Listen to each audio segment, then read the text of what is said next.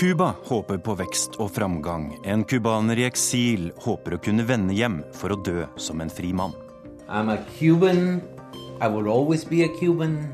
I will die a Cuban. Frøene fra den arabiske våren bærer en sjelden frukt. Det er fritt valg mellom venstresida og islamistene i Tunisia i morgen.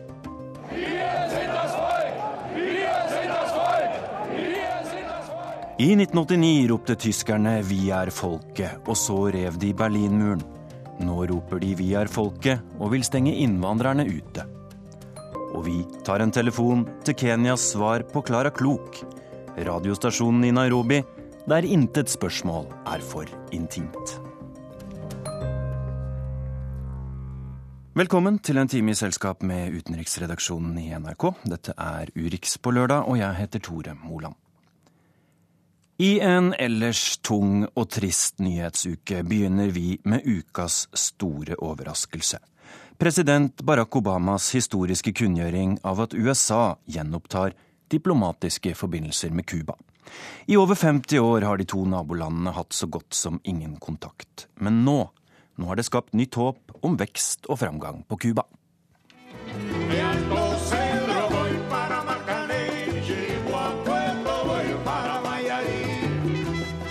These 50 years have shown that isolation has not worked. It's time for a new approach.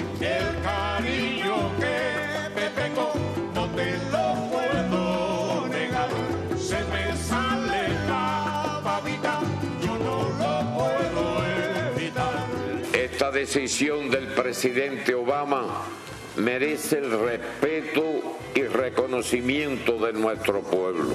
Cuando Juanica y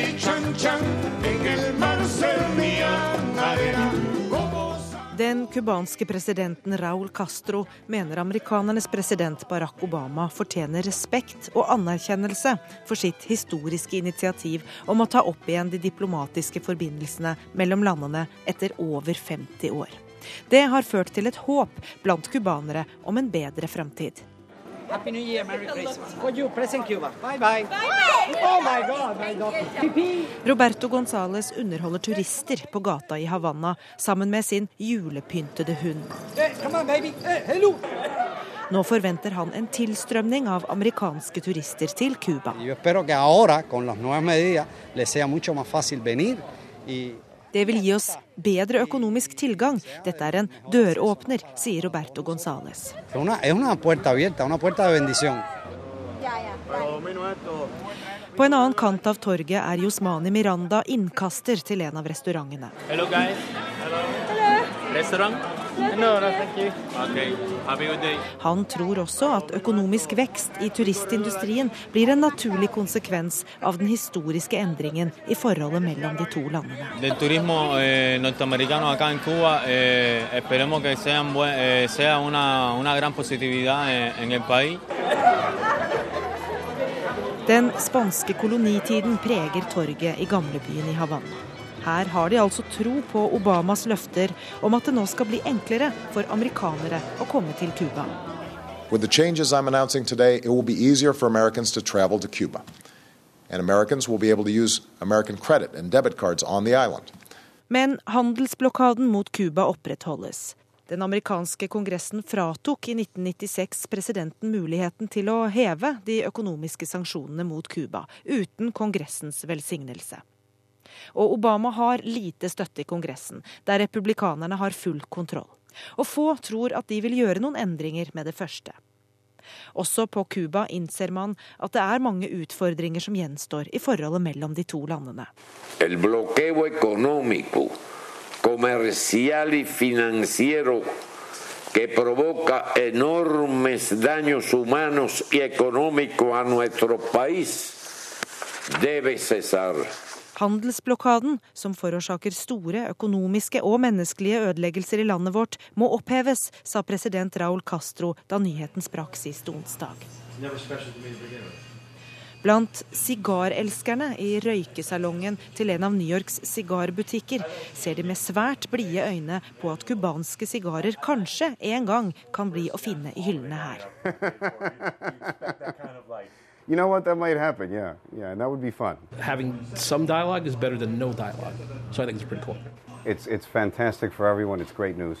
Også Kamel Salam skulle gjerne kjøpt cubanske sigarer. Men han ser også at én mulig effekt av å lovliggjøre import av dem, er at de mister sin magi. Maybe it's a hype that because it's, it's being illegal for the past few years right now, but eventually it'll just take. It's more like it'll be like every other cigars in in the United States. Tilbake i Havannas travle gater vokser det nye håpet. Et håp om en bedre fremtid for folk på øya. Eiendomsmeglerne tror at et bedre og mer åpent forhold til USA også vil gjøre vanlige cubanere mer kjøpesterke.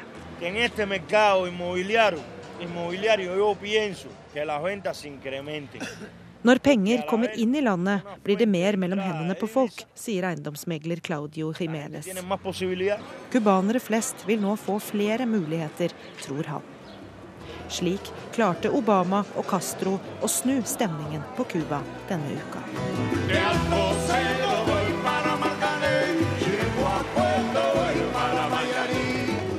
Hemos acordado el restablecimiento de las relaciones diplomáticas.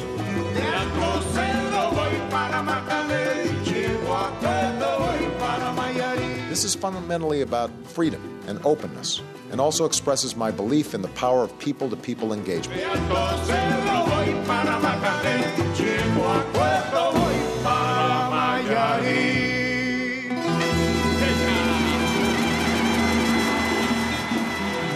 Var kollega Gry Blekastad Almås som ikke greide å la være å alliere seg med Buena Vista Social Club for å lage denne reportasjen. Even Sandvik Underli, du er med oss fra Bergen, der du holder på med doktorgrad om Cuba, og du har gitt ut boka Det nye Cuba. Er dette ubetinga gode nyheter for cubanere flest? Ja, det tror jeg egentlig. Og eh, det er gode nyheter for cubanere flest, og det er gode nyheter for cubanske myndigheter, iallfall på kort sikt. Så i dette tilfellet så har de iallfall felles interesser, da. Handelsblokaden blir det jo ikke gjort noe med ennå. Det er vel den som rammer cubanerne mest? Ja, men det er iallfall utsikter og et håp til at det kan bli gjort noe med det første. Den er jo festet i lov, som det ble sagt her, og han består av flere komponenter. Det er en ganske omfattende greie som ikke bare stopper cubansk handel med USA, men også griper inn i Cubas forhold til tredjeland. Og det kan ta tid før Altså, det, det kan komme gradvis. og En endring der, da. Det, det, vet vi ikke. Det spørs på Kongressen og Senatet i USA mer enn, mer enn på Obama. Og Så hørte vi denne frykten nevnt i reportasjen her. Er det en fare for at Cuba nå blir litt mindre unikt og litt mer som andre steder? Ja, det er jo, altså Sett fra turistens ståsted så, så er jo alltid det en fare. Men, men, for det første, så lenge blokaden står, står, ved lag, så blir det jo ingen større amerikanisering. altså. Det er jo ikke åpent. Det blir jo ikke noen åpning nå for masseturisme til Cuba. Det er det at amerikanere kan reise til Cuba eh, litt lettere på, på visse sånn programmer for kulturell utveksling og sånn. Og så er det ha, altså Det blir ofte spurt om, om det nå blir McDonald's på Cuba og sånn. og Selv hvis blokaden blir opphevet, så er det på Cuba sånn at myndighetene har siste ordet når det gjelder alle utenlandsinvesteringer og sånn. Så, så det, det ville kreve i så fall også en endring i, i systemet. Hva så med cubanere som lever i eksil i USA? De har jo ofte fra gammelt av i hvert fall hørt det på høyresida i amerikansk politikk og vært skeptisk til Castro-regimet. Er dette gode nyheter for dem også? Det vet jeg ikke. Altså, en ting er jo at det er en del folk som rett og slett dro like etter revolusjonen, og som mista sin eiendom på Cuba. Og noen hadde å gjøre med det gamle regimet, andre ble utsatt for overgrep av det nye regimet. Men altså etter 1959. Men du har også grupper som lever rett og slett av blokaden, og som politikere, ikke minst, som, som, som ønsker denne konfrontasjonen på begge sider. Og, og du, har, du har en på en måte hvordan skal jeg si det, altså De ytterliggående elementene her vil, vil kanskje eh, bli trua av, av, denne tilnærminga. Litt eh, delte meninger kanskje blant eksilcubanere i USA om eh, normaliseringen. Vi i Urix på lørdag vi har sendt ut vår eh, korrespondent Gro Holm for å møte én av de cubanerne som rømte til USA som barn. I løpet av drøye 50 år har han rukket å bli en godt voksen mann, men han slutter aldri å savne sitt hjemland.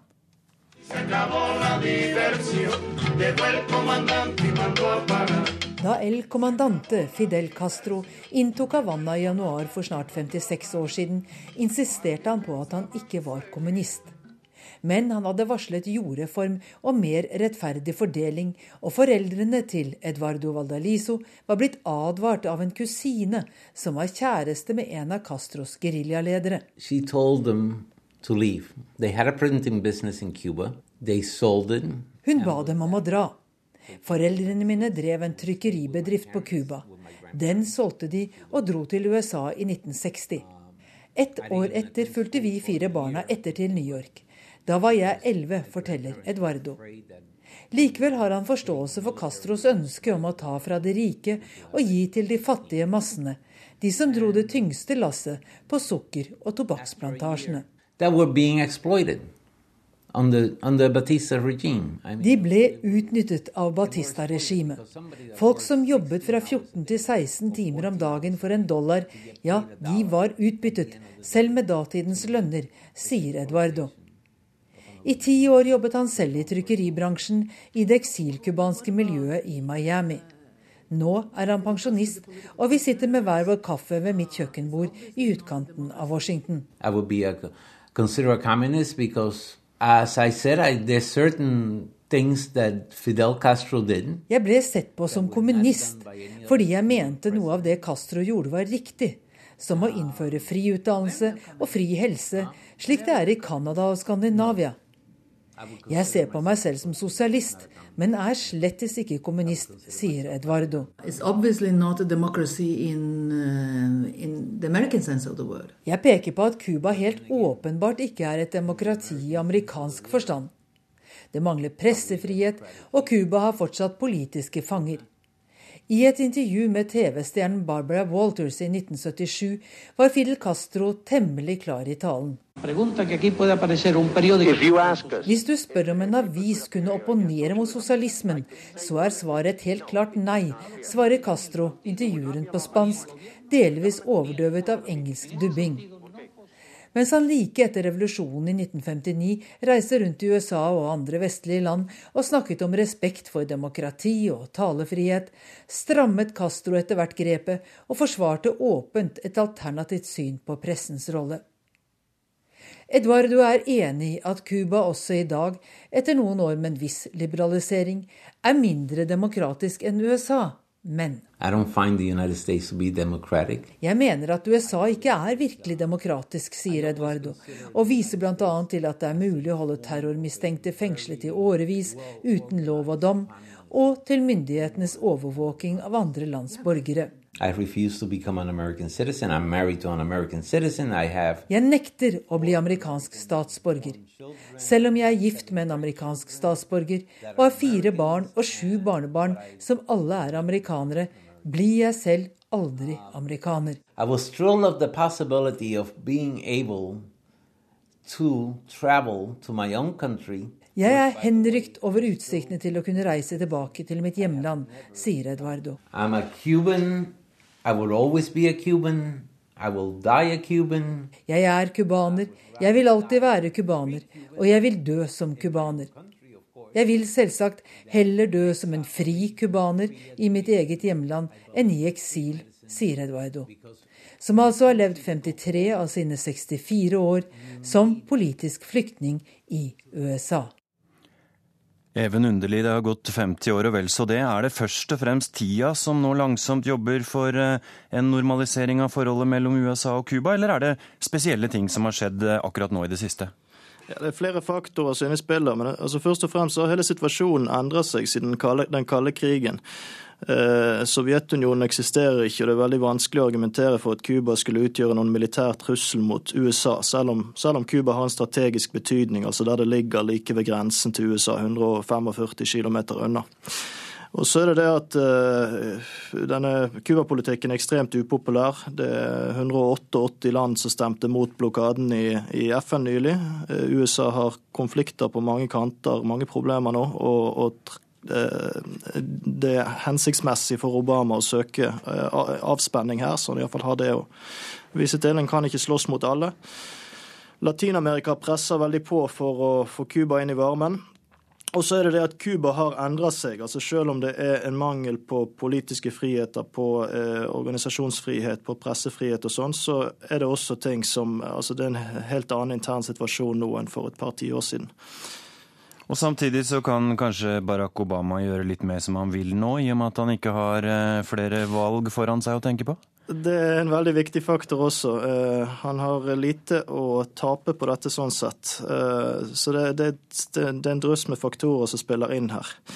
Uh, ja. du, du, nevnte nabolandene, resten av kontinentet også. Hva, hva tenker de om denne 50 år gamle feiden mellom Cuba og USA, egentlig? Det har jo blitt sett på på en måte som et eh, altså, Blokadepolitikken, eller uh, hele USAs politikk mot Cuba, egentlig har blitt sett på som et symbol på, på innblanding. da. Og uh, Under den kalde krigen så aksepterte jo en del land dette her. De aksepterte det at USA pressa Cuba ut av organisasjoner av amerikanske stater. Men så har det vært denne venstredreininga de siste årene, og, og, også det at USA har uh, vendt fokuset mot andre deler av verden, som har gjort det mulig for Latin-Amerika å altså, man har egentlig ganske samla eh, gått inn og støtta Cuba i, i, i, denne saken.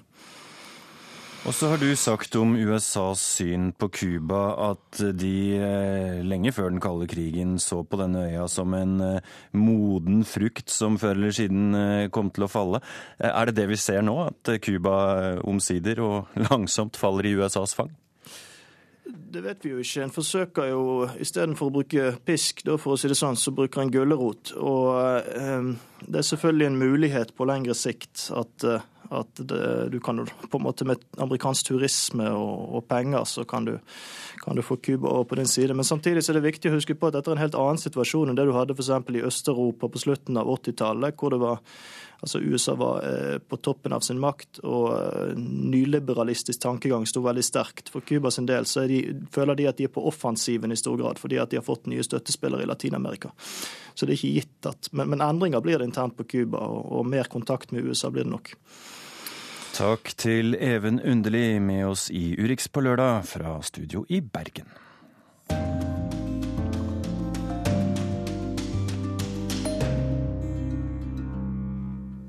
I Tunisia er det andre og avgjørende runde i presidentvalget i morgen.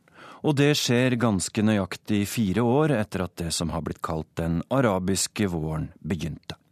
Nettopp Tunisia blir ofte holdt fram som den eneste virkelig demokratiske suksesshistorien som denne arabiske våren har å vise til. Tonen mellom de to gjenværende kandidatene i valgkampen har vært sylskarp.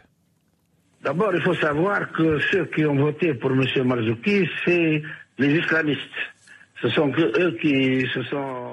Alle som har stemt på Marzuki, er islamister. Det er de som støtter ham. Lederne i Enada og også jihadister og salafister argumenterer Beiji Kaid Esepsi, valgvinneren fra den første runden på den franske radiokanalen RMC. Det er ikke bare en løgn, mensonge, det er helt feil, men det er en insult au peuple tunisien. Euh, det er ikke bare en løgn, det er en fornærmelse mot det tunisiske folk. Jeg kan forsikre om at salafister og jihadister ikke stemmer. De tror ikke på demokratiet. De som har stemt på meg, er tunisere av alle slag, svarer Monsef Marzouki i et intervju med nyhetskanalen France 24. For det er slik de siste ukene av valgkampen i Tunisia har foregått, med beskyldninger slengt mot hverandre gjennom media. Essebsi fikk 39% av stemmene i første runde, og har avvist en direktesendt TV-debatt med motkandidaten Marzuki, som fikk 33% en overraskende høy oppslutning. De to er ikke bare motkandidater i morgendagens presidentvalg, men også politiske motpoler gjennom et langt liv. Marzuki tilhører venstresiden. Han var menneskerettighetsaktivist og dissident under det nå styrtede regimet til Sine Ben Ali, i eksil i Frankrike, og til slutt overgangspresident, bl.a. etter avtale med partiet Enada et islamistisk parti som vant de første valgene etter revolusjonen. Mon travail à moi pendant les, les 20-30 dernières années, ça a été de dire que le spectre islamiste est large. Il faut qu'on en Une partie doit être démocratisée. On a réussi. Mitt arbeid de siste 20-30 årene har vært å si at spennvidden er stor blant islamistene. Vi har lykkes med å demokratisere en del av dem. Hva var en nada på 1970-tallet? De var salafister.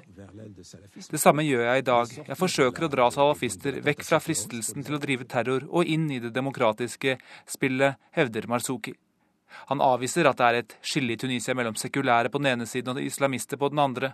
For ham står det om demokrater og antidemokrater.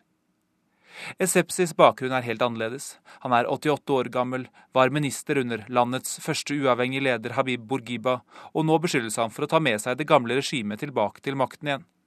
Non, je représente euh, la Tunisie, euh, non pas du passé, mais sur, sûrement de l'avenir. Jeg tilhører ikke fortiden, men absolutt framtiden. Valgprogrammet mitt står for seg selv. Det handler ikke om min alder, forsvarer han seg. Esepsi har vunnet mye oppslutning og popularitet på løfter om å gjenreise en sterk stat og skape ro og stabilitet. Han er favoritt til å vinne morgendagens valg. Men slik valgkampen har utartet seg, har det i liten grad dreid seg om hvordan det skal gjøres. For Tunisias største problem er økonomien og stor ungdomsledighet.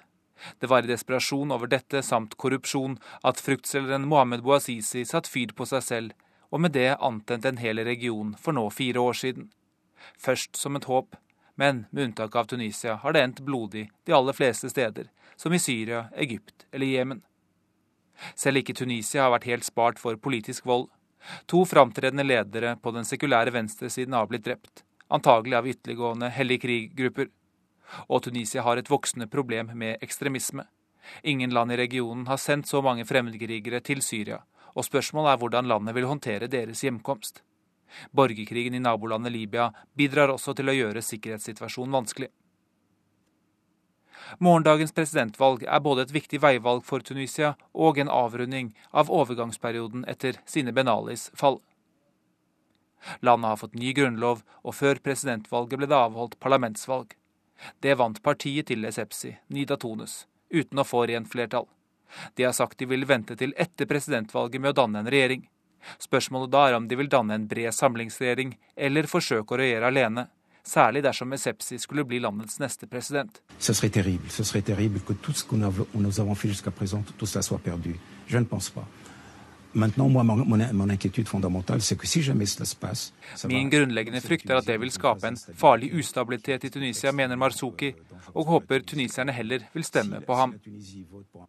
Valget finner sted i morgen, og endelig resultat i dette første presidentvalget i Tunisia siden uavhengigheten er ventet en gang før julaften.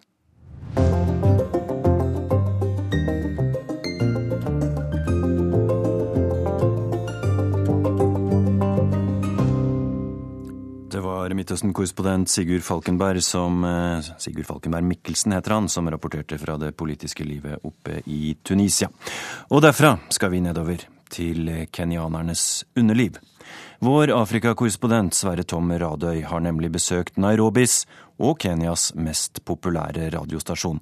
Der er det stort sett én ting det går i. Feel good. Classic 105. Good times and great hits. It's 612. It's a late Luther Vandross track is called Dance with My Father on Classic 105, the station where we're all about good times and great. Welcome to a Wednesday with my name King Angi in the morning. Han har snakketøyet i orden, Maina, den store radiostjernen i Kenya, som flere millioner lyttere er på fornavn med. As we talk about what this lady called in on, on Thursday and said I want to tell Mene Når han presenterer dagens store tema, The Topic of the Day, kan du se det på trafikkbildet fra Victoriasjøen til Mombasa, sies det. Farten senkes, noen svinger av og tar en pause i en busslomme. Det er vel ikke helt sant, men det gjelder å få med seg det som garantert blir samtaletema nummer én i lunsjen den dagen.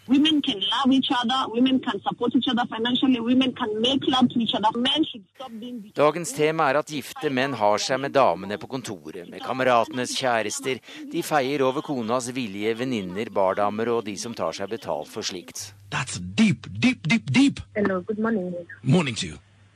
If we can keep our men and keep our mouth shut. Yeah. our, marriage, our marriages can work very well. We will stop Vi har oss selv å takke. Vi burde holdt munn og ikke mase så mye på mennene våre. Thank you very much. Wow. If you can just shut your mouths, your mouths are chasing your men. Wow. Hello. Hello. Good morning. They're not handling their business, especially when it comes to women. For one minor, I would rather turn a lesbian than live with a man that cheats. Dårlige menn driver kvinner inn i lesbiske forhold, sier innringeren. Maina støtter henne, slik han støtter alle, men kvinnene spesielt. 80% av innringerne til programmet hans er kvinner. Life, well. So me, is touching someone's life, changing someone's life, and changing the way society thinks, and especially about women. That's always been my goal. Han sitter med glattbarbert hode. Manchester United-drakta er et par størrelser for stor. Han drar selv i spakene og leser opp reklamen på direkten, slik de andre fem programlederne gjør, der de sitter på rekke og rad og konkurrerer med hverandre på ulike FM-frekvenser, med bare et isolert vindu mellom seg. Det er en programfabrikk der flaggskipet heter Maina. En Toto Osvold, Knut Borge eller Siri Kristiansen blir smådrops i forhold til sukkerklumpen som sprer sødme og sinne. Are you being wrongly accused, guys? Where are the Kenyan men? Maina, Yes. having a mpango kando to drinking a bottle of beer in a bar and then you get back home to your family. What? yes. Å ha en mpanguacano, alternativ plan på swahili, eller en på si, ja det er bare som å ta seg en liten øl før man går hjem til kona, ifølge innringeren. I beg your pardon? Have a good day. Have a good... What? Mange menn misliker Maina, men mange hører på, også tannlegen. Oh, I love it. I, I listen to it all the time. Og sjåføren. Uh, the guy is making young people to change. It's a good station. Wilson kjører taxi om morgenen og hører på Maina fire timer i strekk hver eneste dag. Programmet leverer ikke bare drivende god radiounderholdning, sier Wilson, men er med på å forandre tradisjonelle, sneversynte holdninger, et viktig program. Fun and laughter in the morning. Mina and King Angi in the morning on Classic 105. Selv senket jeg farten da en kvinne ba moralsk støtte for at hun lå med sin sterile manns bror, uten at mannen hennes visste om det, hver gang de ville ha barn. Eller kvinnen som var så lei av tjafsinga at hun ba Maina skaffe henne en impotent livsledsager. Kvinnen fikk sin mann med manglende manndom før sendeslutt klokka ti. Feel good. Classic 105. Good times and great hits. Klokka har passert halv tolv, og din skjebne den eh, neste halvtimen er å fortsette å lytte til Urix på lørdag. Et høypotent radioprogram som ikke er redd for å ta opp noen av de aller vanskeligste temaene fra den globale intimsfæren. I løpet av den neste halvtimen skal vi f.eks. høre om høyreorienterte tyskere som har begynt å rope i takt og kreve utlendinger ut. Og vi skal til Romania, 25 år etter de kaotiske juledagene, der den kanskje verste av kommunismens diktatorer ble først avsatt og siden avlivet. Og vi har også rom i radioherberget for et korrespondentbrev i juleeventyrenes ånd. I Tyskland har titusenvis av mennesker de siste ukene demonstrert mot landets innvandringspolitikk. Demonstrantene hevder at Europa trues av islamisering, og mener tyske politikere svikter sine velgere ved ikke å gjøre noe. At den politiske høyresida hever stemmen på denne måten, er ganske unikt i etterkrigstidas Tyskland.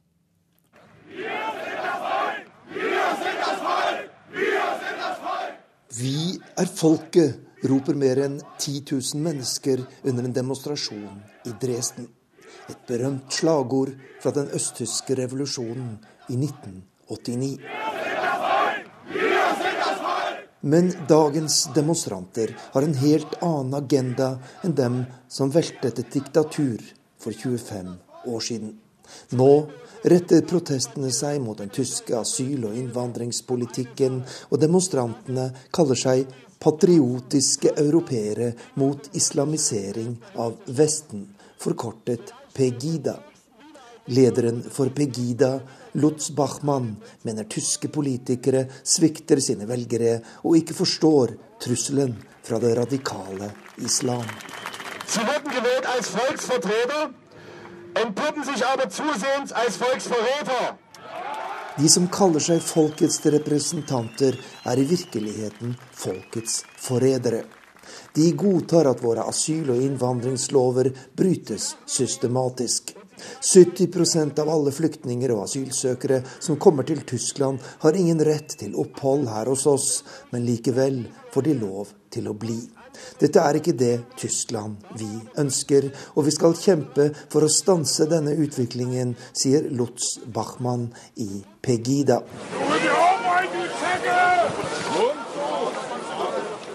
Det koker i det flerkulturelle Tyskland.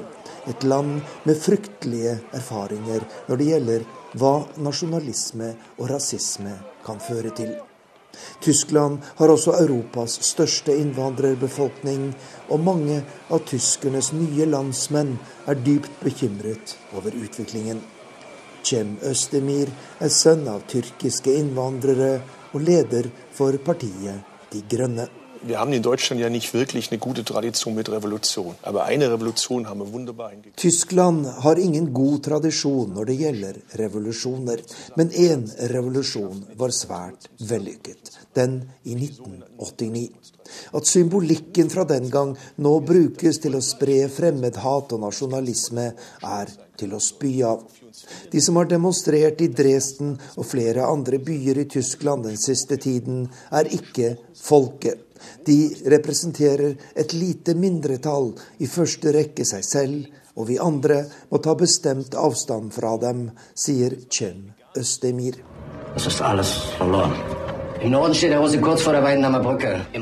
Tysklands dystre historie har gjort det svært vanskelig for populistiske høyrepartier å samle støtte her.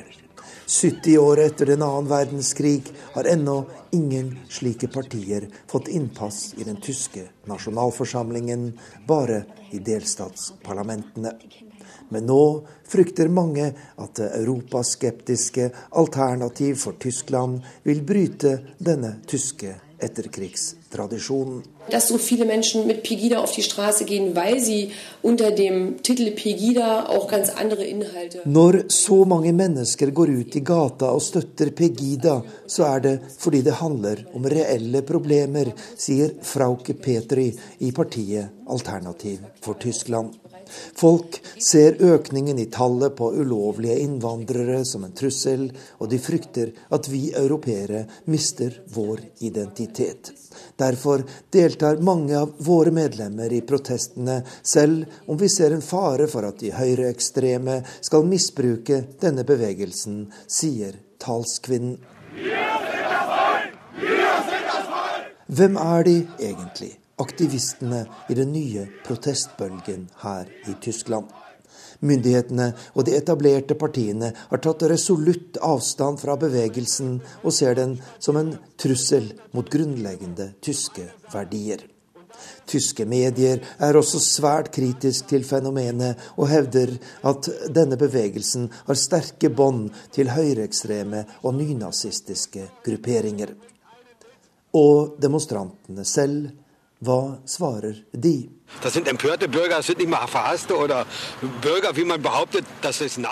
Vi er rett og slett sinte borgere, og vi beskyldes for å være nazister, sier en demonstrant som ikke ønsker å oppgi navnet sitt. Vi demonstrerer mot en politikk vi er sterkt uenig i, fordi vi er lut lei av at ingen hører på oss. Det som mediene forteller om oss, er jo bare løgn og oppspinn, sier demonstranten i Dresden. Og mange kommentatorer advarer mot å avvise slike protester som rasisme og høyreekstremisme. De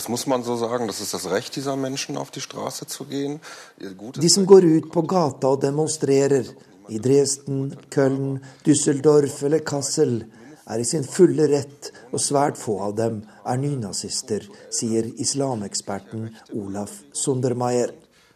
Dette ser ut til å være en type høyrebevegelse som vi ikke før har sett i Tyskland.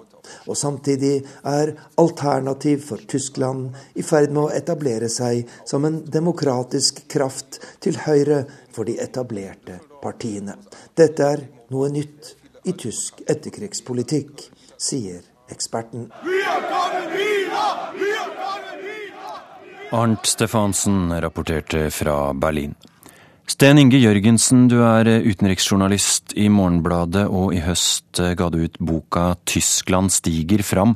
Da er det jo fristende å spørre, hva slags Tyskland er det som stiger fram her? Så underlig den kan høres, så er det et mer normalt Tyskland som stiger frem. Ikke fordi det er normalt at tyskerne har grupper av høyreekstreme, men fordi at de høyrepopulistiske miljøene har vært nesten usynlige. De har vært bitte små alltid. Men hvis man ser på meningsmålinger, så er tyskere flest akkurat like fremmedfiendtlige som europeere flest. Altså de ligger omtrent på snittet. Så det var jo bare et spørsmål om tid før denne type bevegelser også måtte komme da frem i Tyskland. Men hva er det da som gjør at uh, tyskerne fram til nå har holdt kjeft om innvandring, og nå plutselig kan begynne å si hva de virkelig mener, også i offentligheten? Det har jo med å gjøre at uh, krigen har kommet på avstand, altså nazismen, og at det begynner å bli helt nye generasjoner som går inn i politikken. Altså Det er generasjoner som ikke føler at uh, de har et spesielt ansvar lenger for hele tiden å ta liksom uh, skylda for det som forfedrene gjorde. Og Da får det også en mer normalisert politisk kultur. Og da ser også folk flest det at nå åpnes rommet for hva man kan snakke om og diskutere. Og hvor stor er da denne innvandringsfiendtlige bevegelsen? Er det en massebevegelse? Det er ingen som vet hvor store de er, men uh, altså, hvis man sier at de i Dresden har nådd opp mot 15 000 nå på sånne mandagsdemonstrasjoner, så er nok mange av de tilreisende. Uh, det man vet, er at uh, alle som har prøvd å organisere høyrepopulistiske partier før, de har ikke klart å få mer enn sånn 3-4% maks. Så var det Alternativet for Deutschland, altså nesten klarte sperregrensa på nasjonalplan i fjor høst, med nesten da 5% og som har da gjort det bedre i delstatsvalg etterpå. Og, men de er ikke en ren sånn Det er litt for enkelt å si at Alternativet for Deutschland er målbærer av de samme, altså, samme, sentimentene som det vi ser i Dresden nå. Fordi eh, Alternativet for Deutschland er jo veldig retta mot EU-samarbeidet. Og de ønsker jo at Tyskland skal gå ut av euroen. Og det er jo egentlig en gruppe med sånn spissborgere, altså mye professorer osv. Altså, de har ikke den klassiske profilen til et høyrepopulistisk parti. Så det blir spennende å se om de egentlig kan fange opp de miljøene her. Altså, nå har de jo delvis uttrykt støtte til demonstrantene, så det kan jo hende de prøver å få det inn i partiet. Men så igjen ser vi meningsmålinger i ditt site f.eks. 49% har sympati med Pegidas bekymringer. 30% gir full støtte til demonstrasjonene. Ja, så Det er ingen tvil om at det, når det gjelder akkurat på sak, så er det utbredt oppfatning i Tyskland at man har hatt altfor stor innvandring for lenge. Og det ser du i rene tall, at de er jo øh, Sammen med Sverige så ligger de helt på topp i Europa når det gjelder antallet flyktninger og asylsøkere. Altså den Tallet er nesten dobla i 2014 fra 2013. Det er 200 000 regner man med kom for å søke asyl i fjor. Og det er klart Vi snakker veldig store tall, og det er da noe som også folk nå mener altså må, nå må det gå an å snakke om det. Altså, det her blir for mye. La oss høre hva Angela Merkel har å si om saken. In Deutschland gibt es zwar die Demonstrationsfreiheit, aber es ist kein Platz für Hetze und Verleumdung von Menschen, die aus anderen Ländern zu uns kommen. Äh, dass er nicht von den Vi har frihet til å demonstrere i Tyskland, men det er ikke lov å hetse eller ljuge om folk som kommer fra andre land, så alle må passe på at de ikke blir utnyttet av folk som organiserer dette, sier forbundskansleren. Hun høres eh, oppriktig bekymra ut og en smule maktesløs ut her. Er det de mektige kreftene som står bak, som hun antyder? Jeg tror ikke det står noen mektige, skumle krefter bak. Jeg tror det her er Det er nok eh, mange grupper som prøver å vegetere på den uh, motstand mot innvandring, og som prøver å infiltrere og komme inn og kanskje rekruttere noen. Men uh, det er nok ikke noe skumlere enn det at folk synes at det politiske establishmentet ikke tar deres bekymringer på alvor. Og det er jo derfor de sier at det er vi som er borgerne. Og de kan jo med en viss rett, da, som du sier, vise til meningsmålinger som sier at tyskere flest støtter de på det punktet. Eh, det, er, det de kanskje ikke vil snakke så høyt om, er at eh, Folk er kanskje enig i med den bekymringa, men det er ikke det viktigste spørsmålet for tyskerne. Det vil si at det er utenkelig at halvparten av tyskerne ville stemt på et sånt parti. Og hvis man tar en helt generell vurdering av politiske kulturen i Tyskland i dag, så er det nok det mest stabile, sentrumsorienterte landet vi har. Så jeg tror ikke det er så mye å frykte her, egentlig. Men at eh, slagordene fra rundt murens fall i 1989 da resirkuleres, eh, det høres eh, litt umusikalsk ut for en utlending. Gjør det det med tyskører også, tror du? Ja, mange tyskere blir provosert av det. Altså, for de har jo tenkt på gjenforeninga av landet som en veldig sånn, positiv ting. Og det er klart, også med tysk historie så vil jo alle henvisninger til vi og til folket og sånn, det er jo også litt betent og problematisk. Altså, I Tyskland er det jo fortsatt sånn at bare det å si at man er stolt over å være tysk, kan også være litt vanskelig. Så for populister som vil velge slagord i Tyskland, da har du liksom et vell å ta av, og du vet at du trykker på masse knapper hele tiden. Så det er jo, eh, du kan gjøre veldig mye effektfullt med det.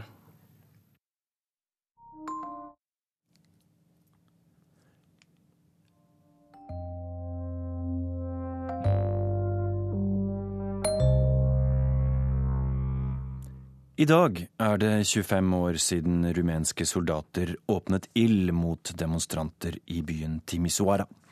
Dette ble bokstavelig talt startskuddet på et opprør som styrtet et av de mest brutale kommunistregimene i Europa. Revolusjonen i Romania var den siste og den blodigste omveltningen den dramatiske høsten 1989. Kollega Roger Severin Bruland har vært tilbake i Timisoara.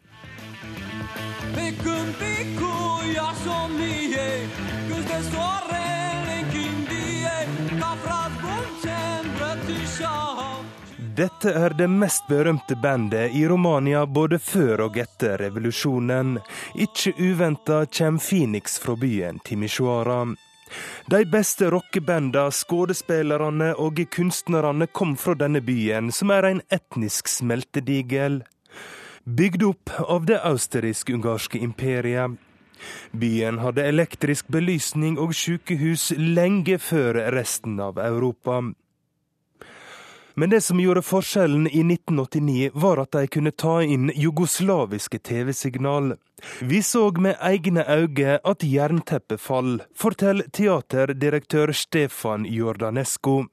We try to do the same thing as, as we saw on the television few days or few weeks uh, uh, earlier, you know. Like the guys from uh, from uh, Prague, like the guys from Poland, like the guys from the from the Berlin, from the. If they they succeeded, uh, we must uh, succeed too here. Teaterregissøren var blant de første revolusjonære. Allerede 15.12. sto han utenfor kirka til presten Laszlo Tokes og protesterte. Tokes var en kjent regimekritiker, og utkastinga ble sett på som politisk straff. Det svartna for Jordanesco da han så sikkerhetspolitiet bære ut kirketjeneren. Han banka dem opp og tok hatten fra den ene. Den ligger fremdeles på peishylla hjemme som et trofé. Det var første gang noen hadde fysisk gått til angrep på det frykta sikkerhetspolitiet Securitate. Noen år seinere fikk han vite at en av hans beste venner hadde filma det hele fra et hus på andre sida av gata. Han jobba nemlig for sikkerhetspolitiet. Romania på 80-tallet var et land der ene halvdelen spionerte på den andre. Men nå hadde folk fått nok kommunisme. Ceaucescu svalt sin egen befolkning fordi han ville betale ned utenlandsgjelda. Han flytter landsbyer i gigantiske planøkonomiprosjekt. Kanskje det verste overgrepet var mot kvinnene. Han ville ha over 20 millioner innbyggere i riket, så han gjorde det ulovlig å ta abort, ulovlig å bruke prevensjon. Det berykta dekretet førte til at mange kvinner døde etter kjøkkenbenkaborter. Eller at familiene fikk mange barn de ikke kunne fø. Resten enda opp på grufulle barneheimer.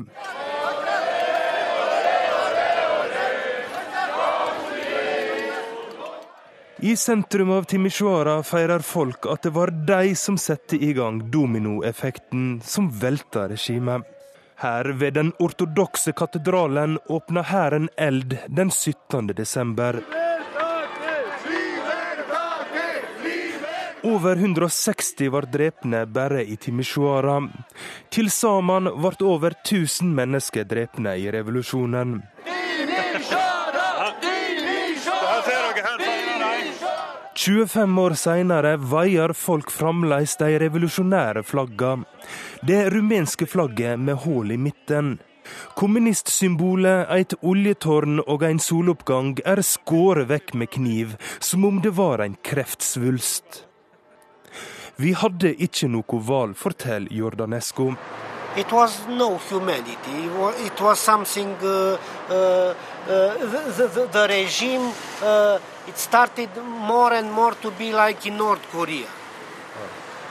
In two or three years, uh, we will look like uh, the North Koreans if we. You continue. Yes. yes. En er jo vant til å se demonstrasjoner her i Romania. Her er jo en feiring av en politiker. Det er jo helt uhørt. Det har jo aldri skjedd før. Nå er det ei helt anna stemning på Operaplassen.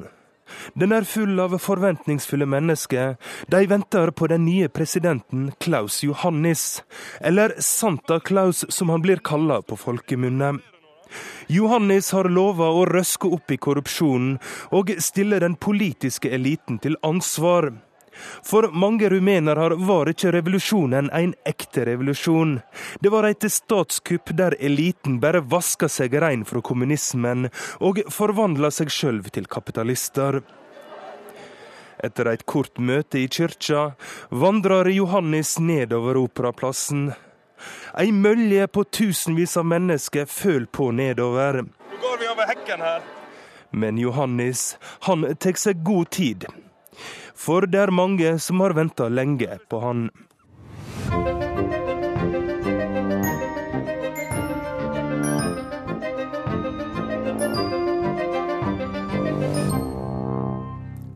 Ukas korrespondentbrev handler om fattigdom i Europa, og det har bitte lite grann til felles med et juleeventyr av H.C. Andersen. Det er skrevet av Åse Marit Befring, og det er forfatteren sjøl som leser. Det var gresselig kaldt. Det snedde ikke, men begynte å bli mørke kvelden. I denne kulda og dette mørket gikk en liten, fattig gutt, barhodet og med tynne fotballsko på føttene, gjennom gatene. Han hadde stukket hendene ned i lommene på den røde hettegenseren for å holde kulda ute. Han trengte ikke selge fyrstikker selv om han var fattig, slik den lille piken i eventyret H.C. Andersen skrev for 150 år siden. Gutten var dessuten flink på skolen og hadde en drøm om å bli fotballstjerne når han ble stor. Nå hadde han gått ut på gata for å følge meg til drosjen. Åtteåringens far hadde fortalt at her i Vallecas sør i Madrid måtte man være forsiktige. Jeg møtte ham i forrige uke da jeg jobbet med en reportasje for Søndagsrevyen.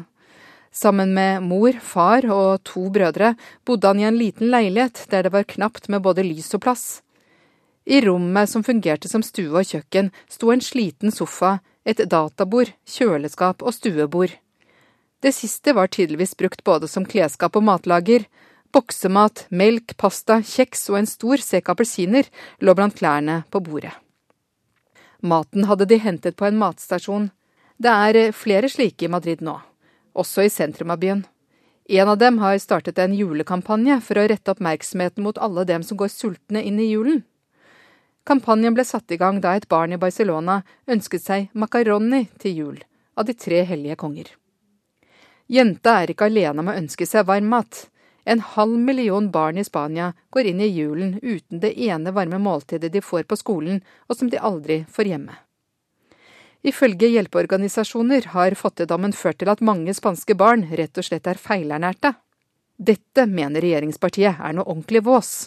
Senest i forrige uke sto en sentral politiker fra Partido Popular i nasjonalforsamlingen og sa at det ikke er feilernæring, men fedme blant barn som er problemet. Statsministeren gikk samtidig ut og erklærte den økonomiske krisen for historie. Det er ikke vanskelig for politikerne å snakke seg ut av fattigdomsdilemmaet, for det er knapt synlig.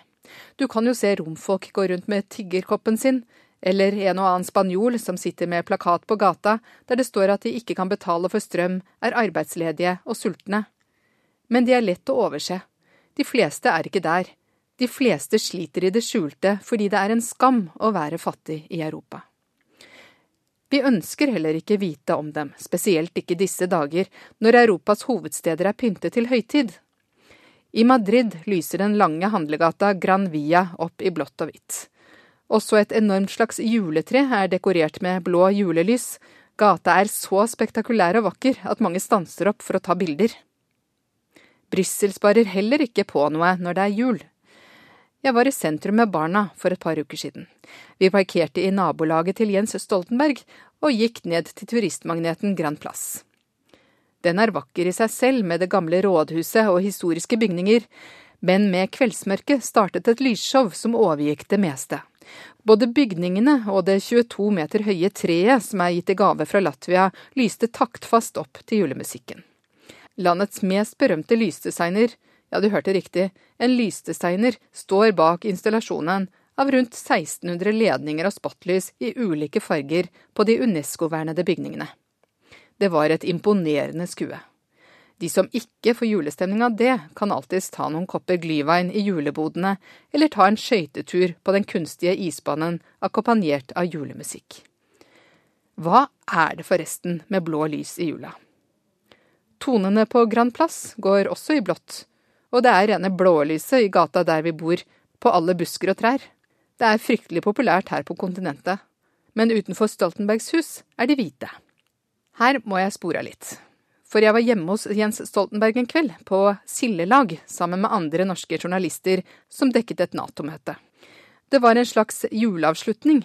Vi har jo fotfulgt Stoltenberg siden han tiltrådte som generalsekretær 1. oktober, så han følte vel at han måtte gi oss noe tilbake. Silda var dandert som lekre kanapeer på belgisk vis, og ble servert av et vennlig tjenerskap. Vi var ikke flere enn at det var plass i sofaene ved peisen. Stoltenberg bor i Millionærgata, Brussels mest fasjonable gate, med korrekte klippede busker og vakker julepynt. Og buskene i alleen frem til inngangen hans var altså dekorert med hvite lys. Inne la jeg ikke merke til annet enn veggteppet, som dekket det meste av den romslige stua. Teppet er egentlig eid av det britiske museet, fortalte Stoltenberg. Det ble utlånt for mange herrens år siden. Det er et vakkert kinesisk teppe over fjell og stepper, men han som fikk låne det, limte det på veggen. I årevis har man diskutert om det er mulig å få det ned uten at det blir ødelagt. Det er neppe noen fare for at Jens Stoltenberg ender opp med nakne vegger. Men så var det altså disse julelysene. Det har en kostnad. Her om dagen dumpet et brev ned i postkassa vår. I det sto det ramset opp gode råd for strømsparing. Ikke for at folk skulle spare penger, men rett og slett en kollektiv oppfordring til å være gjerrig på strømmen, slik at det blir nok til alle gjennom vinteren. Under tittelen 'Hvordan å redusere risikoen for å få kuttet strømmen' sto det at eh, hvis hver og en stilte opp og minsket strømforbruket med 5% ville faren minske. Og det var ikke så dramatiske kutt de ville ha oss med på. Rådene var slå av alle husholdningsapparater på kvelden, trekke ut ladere på den elektriske tannbørsta eller mobiltelefonen når den ikke er i bruk. Bærbare PC-er er bedre enn stasjonære. Hold kjøleskapet mest mulig lukket, og ikke bruk mer vann enn nødvendig. Det sto ingenting om å slå av lyset i rom du ikke oppholder deg i. Her i landet er det bare utlendinger som har lyset på unødvendig. Myndighetene har lenge advart mot at strøm kan bli mangelvare, og har også selv innført ulike strømsparende tiltak. En av dem innebærer f.eks. at vi kjører i stummende mørke på motorveien idet vi kommer hit vi bor. Gatebelysningen er slått av på flere strekninger i landet. Jeg har ennå ikke hørt om noen ulykker på veien her i området, men har jo tenkt midt om akkurat det når jeg kommer kjørende i 120 km i timen i regn og tett trafikk i svarte natta. Skulle forbruket likevel bli for høyt, så har det blitt utarbeidet et interaktivt kart over områdene hvor strømmen vil bli skrudd av først. Noen av disse kommunene har valgt å ikke tenne julelysene i gatene i år, for sikkerhets skyld. Men det er ellers lite som minner om sparetiltak når man besøker Europas hovedsteder i disse dager, og det kan være vanskelig å tro på den fattigdommen som har vokst opp fra ruinene av den økonomiske krisen. Ifølge organisasjonen Oxfam vil hver fjerde europeer leve under fattigdomsgrensa i 2025 hvis utviklingen fortsetter. Som korrespondent på et av verdens rikeste kontinenter gir det grunn til noen refleksjoner. Jeg er ikke stasjonert i Afrika, der man forventer å finne ekstrem fattigdom, eller Asia, der også slumbyene er mange og synlige. Jeg rapporterer derimot fra et kontinent som er så attraktivt at mennesker er villige til å ofre livet for å komme hit. Europa er det kontinentet som er tryggest, sunnest og trolig rikest på kloden. Ifølge FNs utviklingsindeks, som vurderer forventet levealder, utdanning og levestandard, så ligger seks av de ti mest utviklede landene i verden akkurat her i Europa. Men det betyr ikke at godene er likt fordelt. I stedet øker avstanden mellom rik og fattig. Og med det også aksepten for at mange lever under den grensa vi har satt for å ha et godt og verdig liv. Vi aksepterer, som i H.C. Andersens eventyr, at noen sitter ute i kulden mens vi nyter den deilige gåsesteken inne. Kanskje er vi også villige til å overse at slumbyer vokser frem også her i nord. Jeg vil påstå at en av dem ligger i Calais, på den franske kysten. De som bor der, kaller den The Jungle. På et fabrikkområde der giftige kjemikalier tyter ut av grunnen, har flyktningene fra den tredje verden slått seg ned i telt og et nedlagt fabrikklokale, mens de venter på en sjanse til å komme over den britiske kanalen til England. Da jeg besøkte dem tidligere i høst, var det rundt 1500. Siden har de passert 2000 innbyggere i slumbuen. De lager mat over åpen ild, de gjør fra seg i buskene og får sjelden mulighet til dusj eller å vaske klær. Til det er det for få hjelpeorganisasjoner. Det offentlige, eller Frankrike, vil ikke bistå. Storbritannia, som ser på Calais som sin yttergrense, mener heller ikke at det er deres ansvar. I stedet blir de sett på som et problem som må løses med politimakt, og der folk i byen har startet nabovakt. Men den usynlige fattigdommen er Europas største problem. Noen ganger blir den lagt merke til. Som da 85 år gamle Carmen Martinez Ayuso ble kastet på gata nå rett før jul. Hun hadde bodd i leiligheten i Madrid i 50 år. Bildene av den gråtende 85-åringen fikk storsamfunnet til å reagere. Fotballaget Reyes i Madrid har startet en innsamlingsaksjon. Kanskje går noen fattige en god jul i møte likevel. Urix på lørdag fikk du fra Tove Nilsen Søtorp, Finn Lie og Tore Moland. God helg og god jul.